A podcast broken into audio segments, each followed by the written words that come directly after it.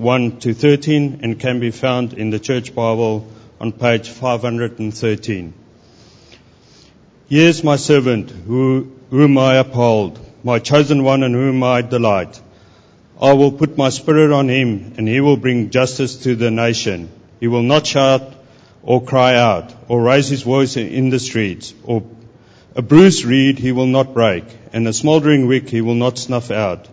In faithfulness he will bring forth justice.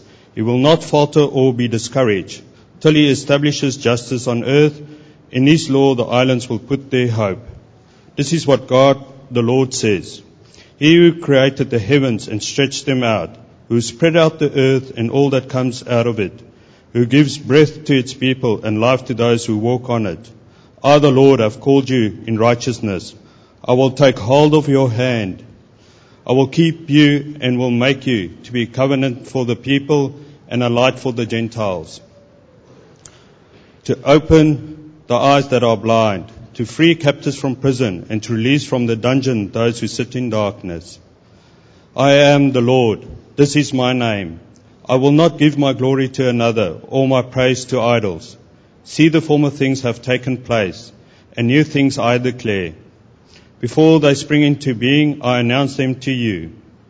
Sing to the Lord a new song, his praise from the ends of the earth. You go down to the sea and all that is in it, you islands and all who live in them. Let the desert and its towns raise their voices. Let the settlements where Kedar lives rejoice. Let the people of Sela sing up for joy. Let them shout from the mountain tops. Let them give glory to the Lord and proclaim his praise in the islands. The Lord will march out like a mighty man, like a warrior who will stir up his zeal. With a shout he will raise the battle cry and will triumph over his enemies. Well, good morning again. It's uh, great to be with you this morning. Thanks for the opportunity to share God's Word with you. Uh, being missions weekend, obviously I'm going to talk about missions. That's uh, very much a part of my life. Um, I have this little discussion with some people that work at Jaron from time to time, and they don't always agree with me. I would actually like to abandon the, the M word, the missionary word. Um, and, and I would like to abandon it because it seems to suggest that some are and some aren't. And according to my definition, and you'll hear more about that as we go along, to be a Christian is to be a missionary.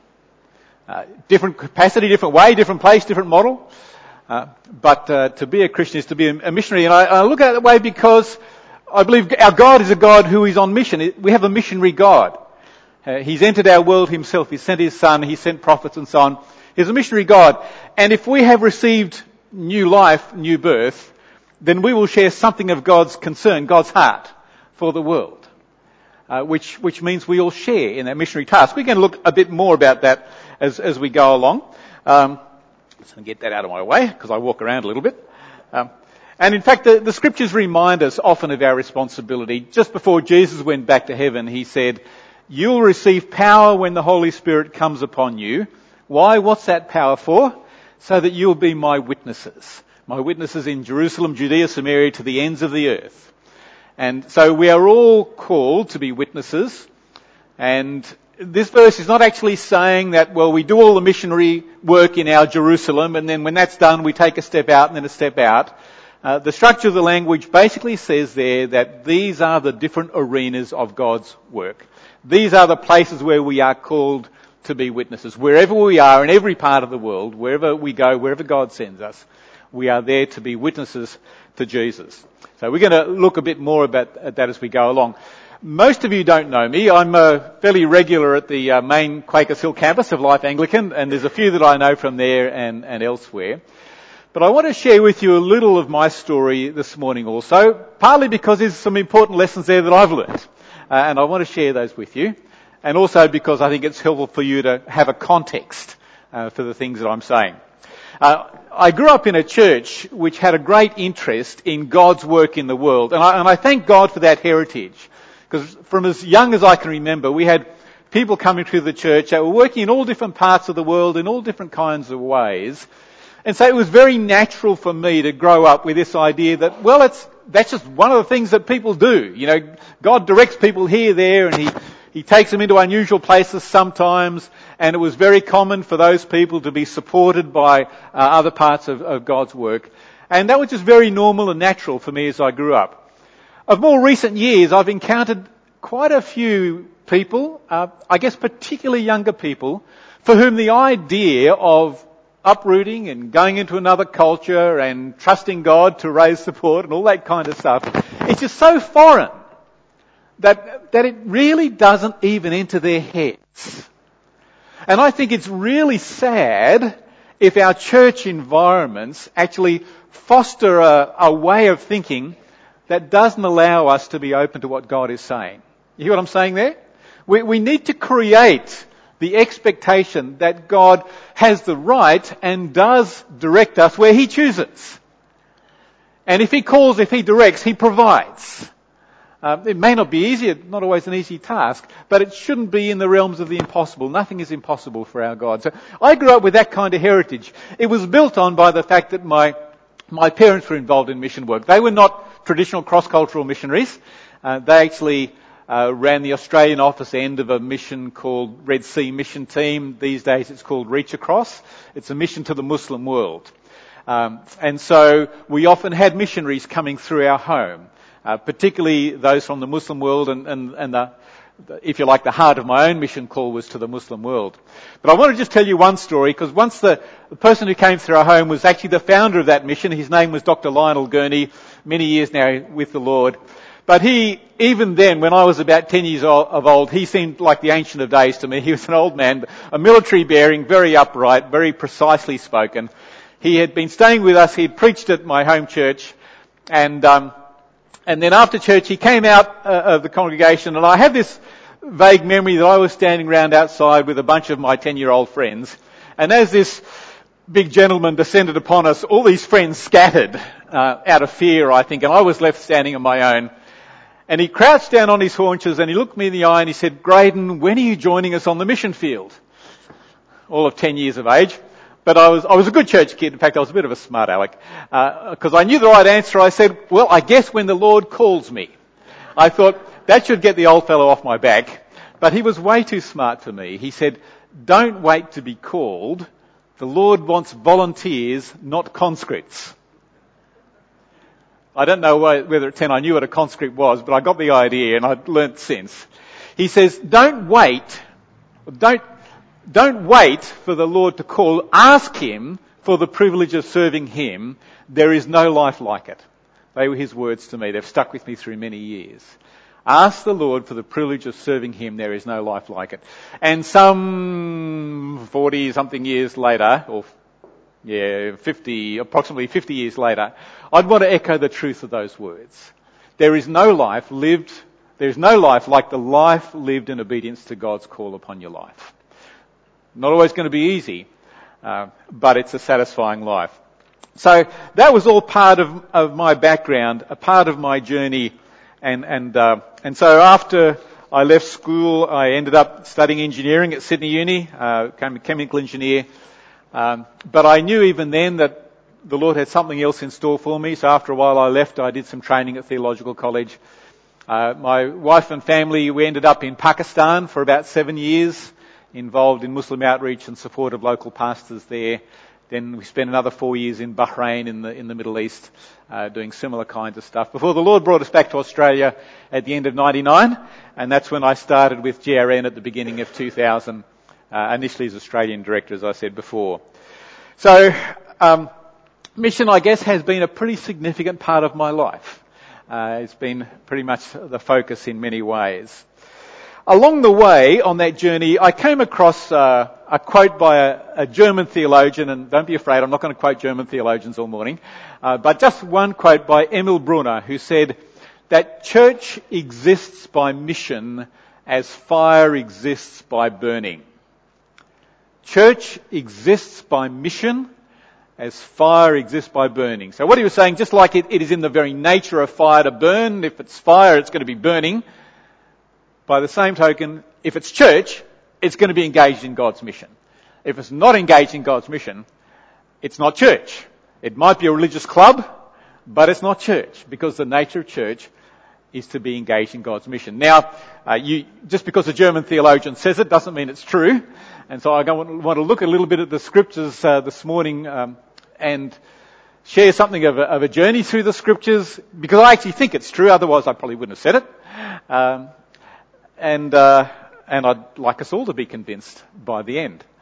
Um, so, when right from the very beginning of the scriptures, and we know the stories. We know the story of Adam and Eve and their rebellion against God, and we know how when God came to Adam and Eve afterwards, He brought grace and and help and forgiveness, and he, he gave us a promise. He said that one day one would come, born of the woman, who would destroy the work of the devil, basically begin to put right what had gone wrong as a result of mankind's rebellion against God. Not only would he put it right, but he would, he would fulfill his original plan to bring his creation, humankind, into that amazing privilege of being the children of God and sharing his honor and glory for eternity.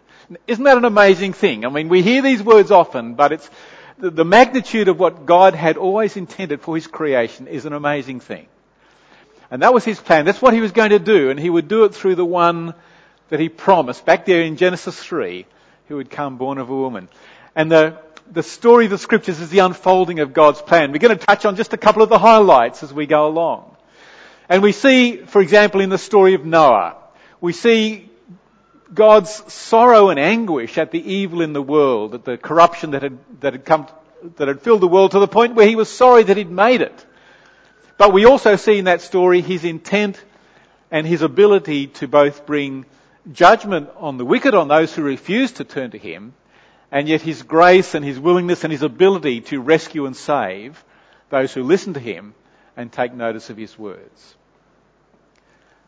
Later on, we see in the calling of Abraham, where God says, trust me, believe me, I will fulfill my promises to you, I will give you a son, but I will bless you, I will make you a great nation, and through you I will bless all nations. It was always God's intention to bless all nations, uh, to bring His uh, blessing to all people. We know that the nation that descended from Abraham, the Jewish nation, didn't really live up to that, to that, to that calling. Um, God formed them into a nation, the nation of Israel. He gave them special laws. He gave them those special laws so that they would be different to the nations around them. So that when the other nations looked at them and saw they were different, they would say, why are these people different? And the answer was they were different because of their relationship with the true and living God. They were in a sense called to be the first missionaries, not sent, but to be God's people in a way that would draw the nations to the worship of the one true God. As you look at the history, we see that they failed pretty abysmally at that. And as time went by, we see it particularly in the writings of the prophets that, that they begin to look forward to, to that one who was prophesied back in Genesis 3, but that one who would be the fulfillment of God's promises, through whom God would fulfill those promises and bring his blessings uh, to the to the nations of the earth. And and that person became known as the servant of the Lord. And we had one of those servant passages read to us from Isaiah 42. The servant who would bring light to the Gentiles, salvation to the ends of the earth. And of course, from our perspective, we can look and see how those prophecies were fulfilled in Jesus himself. And I want you to turn with you to Luke chapter 4. You can follow with me or you can just uh, listen. I'm actually using a New Living Translation here, so the, unless you've got that translation in front of you, it'll be a little bit different. Uh, but I, I want to look at a, an incident early in the ministry of Jesus because it speaks very much into this situation of God's mission and our place in that mission. Luke chapter 4 starts with the, the, temptation of Jesus. And after that temptation, it says in verse 14 that he returns to Galilee filled with the Holy Spirit's power. Soon he became well known throughout the surrounding country. He taught in their synagogues and was praised by everyone. When he came to the village of Nazareth, his boyhood home, he went as usual to the synagogue on the Sabbath.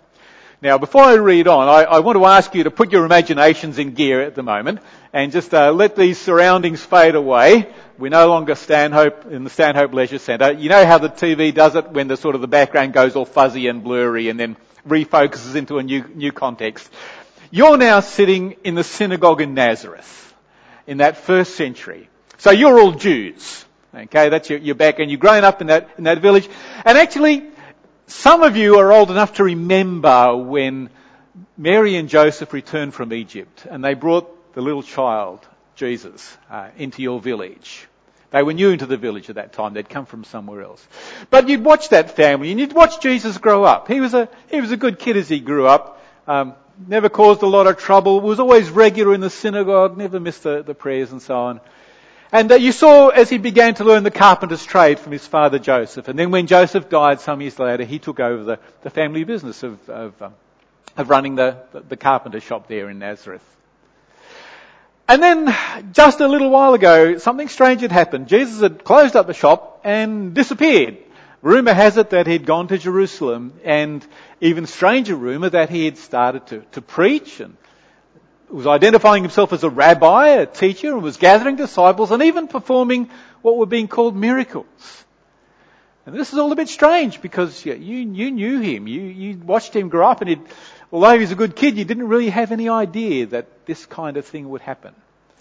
And so when you heard that Jesus was back in the area, back in Capernaum, not too far away, and that he was, uh, he was exciting the crowds, he was still doing these miracles, he was teaching and people were getting excited.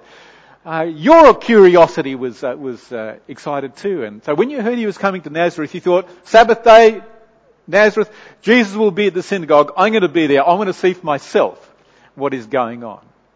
And so I imagine the synagogue was probably pretty full that day. And Jesus came, and it would seem that even the, the ruler of the synagogue had heard these stories, and he invited Jesus to read the scriptures and to, and to speak.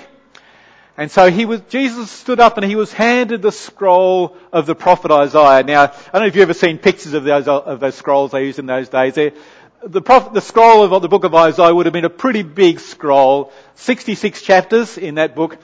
Um, if you happened to be at the beginning and you wanted to read from chapter 50, you had a lot of rolling and turning of that scroll to do. So my guess is, and it is only a guess, that at some time in the synagogue they were reading through the prophet Isaiah, and this is where they were up to. Jesus didn't pick this passage, he just opened the scroll where it was and read these words, which are taken from Isaiah 61, another one of the servant songs, the servant uh, passages in the Old Testament. And so he reads these words from Isaiah 61, verse 18 in chapter 4 of Luke. The Spirit of the Lord is upon me. For he has anoint, appointed me to preach good news to the poor. He sent me to proclaim that captives will be released that the blind will see, that the downtrodden will be freed from their oppressors, that the time of the Lord's favour has come. Now remember, you're all Jews, and for 400 years there has been no word from the Lord, no prophetic word from the Lord, except maybe some people said John was a prophet. But you've been waiting for this Messiah for 800 years as a nation. No word from the Lord for 400 years, and as soon as you hear these words, they they spark thoughts and emotions in your hearts and minds because it, it brings that longing for the fulfillment of God's promises. You're also under the, the oppressive rule of the Romans. You're waiting for the Messiah who will re- bring you freedom and release from your oppressors. And I imagine as Jesus read those words, there was a, there was a bit of a quiet that descended on that synagogue. And it says, he rolled up the scroll, handed it back to the attendant and sat down, because they sat down to speak in those days. Everyone in the synagogue stared at him intently. And then he said, this scripture has come true today before your very eyes. I think you could have heard a pin drop for a little while as everyone absorbed what he was saying. And then I can almost imagine starting to talk to each other. Did he say what I thought he said? Did he really say that the scriptures are being fulfilled today? Right before our eyes? And there would have been a bit of a buzz of excitement. he says at first that all were there spoke well of him and were amazed by the gracious words that fell from his lips. But then they started to question. They said, hang on a minute. We, we know this guy. We, we, know who he is. We know this is Jesus. We watched him grow up. We know his, his family. We know his brothers and sisters.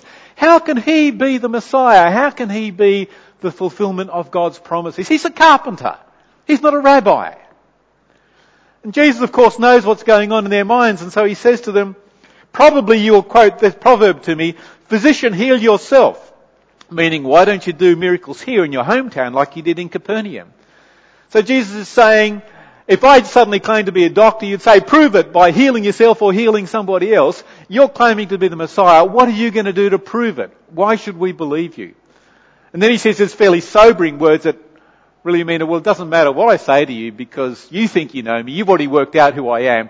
Whatever I say is not going to convince you that I'm the Messiah anyway.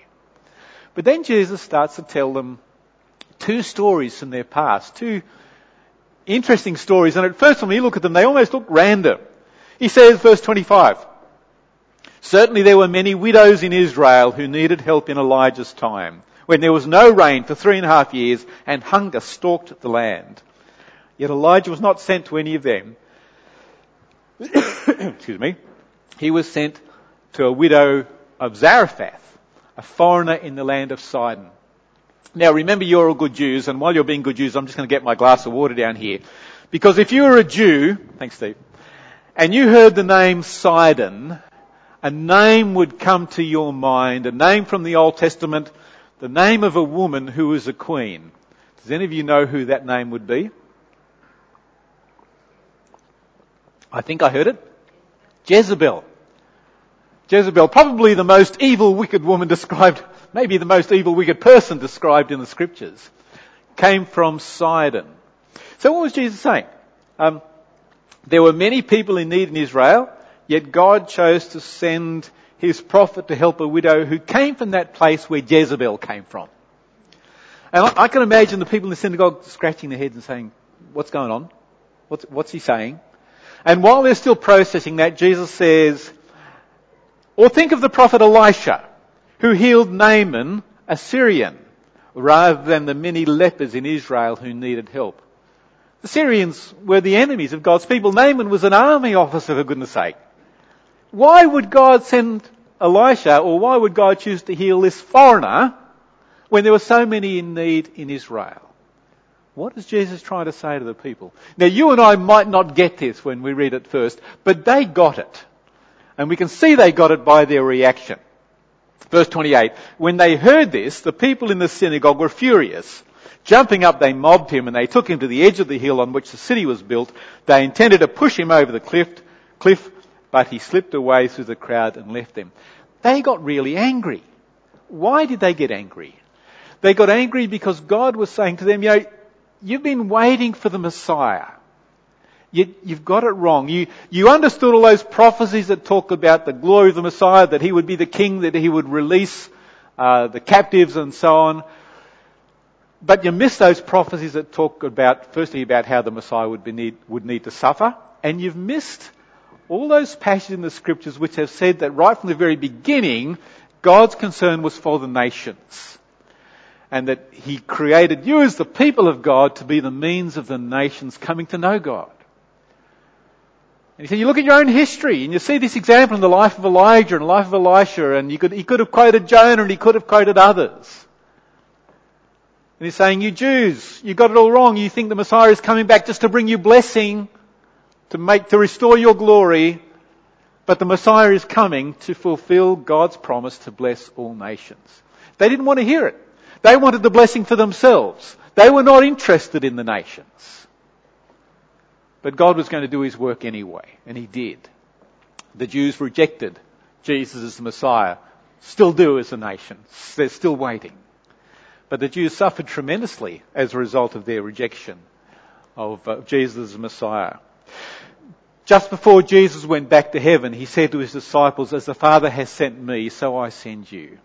He'd been sent as a servant of the Lord to be the fulfillment of those prophecies, to be the means whereby God's blessing and salvation would come to the nations. And Jesus said, it's now your job. Okay, we don't bring salvation or provide salvation in the way that Jesus did, but it is through God's people that that message, that, that salvation is made known and made available uh, to the people, to the ends of the earth. We've inherited that role. Uh, the apostle Paul said it like this. He said, we are now Christ's ambassadors. An ambassador is someone who is sent to represent. We are now Christ ambassadors as though God is making his appeal through us. Peter put it in slightly different words. You are a royal priesthood, a holy nation, that you may declare the praises of him who called you out of darkness into his marvelous light. This is the, this is the role that the church has been given. And you know the thing that scares me? Can we be like the Jews? Can we get to the stage where we think that God's blessing is for us? We come to church for what we get out of it and forget that God's concern is for the nations, for those outside, whether they're outside the walls here or whether at the other ends of the earth. It's a danger. And I think we can, we can fall into that, into that uh, temptation very easily. When Jesus quoted Isaiah 61 and, and he brought to, to the mind of the people there all those passages about, about the, uh, the servant of the Lord. And as we think about the work of the servant of the Lord, um, we see that God's mission is in fact a very, a very broad mission. Sometimes in our evangelical traditions and circles we get the idea that the whole idea of proclaiming the gospel is to make sure that people are right after they die. Uh, but there's a bit more to it than that. Because the, the good news of Jesus is about life here and now as well as about the life beyond. Uh, the stories of the, the, the servant passages and in fact the life of Jesus demonstrates that the mission of God involves acts of compassion and mercy. Uh, it's a matter of justice. It's a matter of being involved in putting right what has gone wrong as a result of, as a result of sin. And Jesus himself said, I've come that you might have life and have it to the full. Not just life after this life. Yes, that's true. But life that is life lived to the full in this life. Doesn't mean it's always going to be easy. Jesus said in this world you will have trouble. But he said, I have overcome the world, and in this life, if you are obedient to me, you will know joy, you will know peace, you will know satisfaction in life that you will never know otherwise. And that's why the, the words of Dr. Gurney to me when I was 10 are true. He said, there's no life like the life lived in obedience to God. The gospel is good news not only for after we die, but also for this life as well. And, and God is still in the business of reaching out to broken humanity and bringing life, that new life, restoration that begins in this life and will be completed in the life to come. So really the question for us is, is what is our place in, in God's mission? Uh, in the book of Matthew we are told to seek first the kingdom of God. Seek God's agenda, His priority. What does that mean for us? How do we share the heart of God in this, in this world? The world of missions is changing, or has changed over many years, um, and it's changed in many interesting and significant ways, which may affect the way we're involved in God's mission. Um, certainly, the the dynamic heart, if you like, of the church is no longer in the in the Western world, in Europe, North America, and so on, uh, where it was for a long time. Uh, the church in those places is largely in decline, and that includes Australia. Uh, but the the church in the global south and west, in South America, Asia and Africa, in many places is, is booming and growing and there are missionaries from Nigeria and Brazil and Korea and China that are now going throughout the world carrying on this task of being the servant of the Lord. Um, we've been involved in this, in this task for, for about 2,000 years and if we look at it we could say, well on the one hand, maybe the church has done a good job of, of uh, of being the servant of the Lord and taking the, the word to the world. We see the church spread now. Um, even even over the last 40 or 50 years, we've seen the church spread amazingly uh, and and being planted and growing in all kinds of places around the world. So we could say, well, maybe maybe we've done a pretty good job. However, on the other hand, we can also say that 2,000 years later, there are still people group who, people groups who have not heard the good news of Jesus. Uh, nations, small nations that have not yet received the word of God communities even in our own country. Uh, growing generations of young people in Australia who really have little or no knowledge uh, of the Jesus story and of what God offers us. So on the one hand, we might have done a good job, and on the other hand, I think we haven't done such a good job. And there's still plenty of work to do. And so what, what is your place? What is my place? And part of what I want to do this morning is to challenge us all to think again. Maybe we've thought about it before, but to think again of what is my place in God's mission? There is still a place for people to go in cross-cultural work. Just three weeks ago, my eldest daughter and her family left to be involved in refugee ministry in the Middle East. Very sad, but I can't blame them. We did it to my parents uh, a long time ago, and they're doing it to us. And that's a, that's a really important issue for parents. You know, are you willing to release your children to do what they believe God wants them to do? Because after all, they are His before they are ours. There's a place for that kind of work still to be done. There is mission work to be done right here in Australia in a full-time capacity, in a part-time capacity. So you get people like Hughes and us in GRN, and you get staff of churches and you get people who are doing refugee ministry in Australia. There's all kinds of opportunities right here in Australia. Traditionally we've used the word missionary for someone who's worked overseas. And one of the problems for that is we think if people are called by God to work full time in their own country, they they don't need support because somehow they're in their own country. Um, we just have to reshuffle our, our thinking sometimes and determine, is this what God wants them to do? Is it our responsibility to support that kind of ministry? And so God gives us different kinds of ministries. He calls us all to be witnesses in our various places. He calls some to be missionaries in the professional workforce. He calls some to be missionaries in full-time Christian ministry. But we're all called to be witnesses. We're all called to be missionaries. He calls all of us to pray. And if we share the heart of God, I think we cannot help but pray for God's work in the world. Now, He will give us different burdens or particular concerns for different parts of that ministry. But what part of God's ministry is on your heart? What are you praying regularly for? What people or what areas of ministry? There's something there. And of course there is that role in, in supporting work through your local church, through mission agencies, whatever um, that is part of our responsibility, part of the way that we share the heart of God for His work in the world. And there are many ways, many options, and if you want ideas, feel free to come and talk to me afterwards. Uh, there are lots of ideas that, that can be can be explored.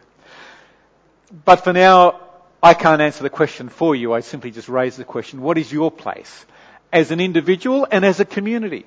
What is your place in God's mission? We have Mission Sunday once a year in the Life Anglican Church parish, and, I, and that, in my opinion, is both a good and a bad thing. It's it's good thing because we can focus on God's work in the world. It's a bad thing if we think that mission happens only once a year or that we only give it attention once a year. Uh, but it's it's helpful also just to, to stimulate our thinking. Mission, I believe, is the reason for the existence of the church. Church does exist by mission as fire exists by burning. And so it is my prayer that God will help us as individuals and as a community to, to align our heart, to align our priorities and our lifestyles with the priorities of the kingdom of God and the mission of God. And live lives that honour Him, reflect His purposes, bring glory to Him. And may God be pleased to build His church through us. Here, in northwest Sydney, and wherever He might take us or cause us to have interest or affect throughout the world. Let's pray. Our Father God, we do thank you that in your mercy and grace, you have reached into our lives, whether it be through parents, through friends, through churches, through whatever networks you have chosen, you've, you've brought us yourself and we thank you for that and thank you for that great privilege of being the people of God. Father, as we enjoy that blessing and that privilege, help us not to be selfish with it, but to realize that, that we have been blessed to be a blessing. That your purpose in blessing us is to bring your blessing to all nations, as the psalmist said. So Father, help us as we struggle with this, and sometimes it is a struggle. Guide us as we make decisions so that increasingly our lives are aligned with your priorities and the things that you want to do in us and through us. Father, we do ask that you would bless us so that we may be a blessing and that we may see your church grow throughout this world. In Jesus' name we pray. Amen.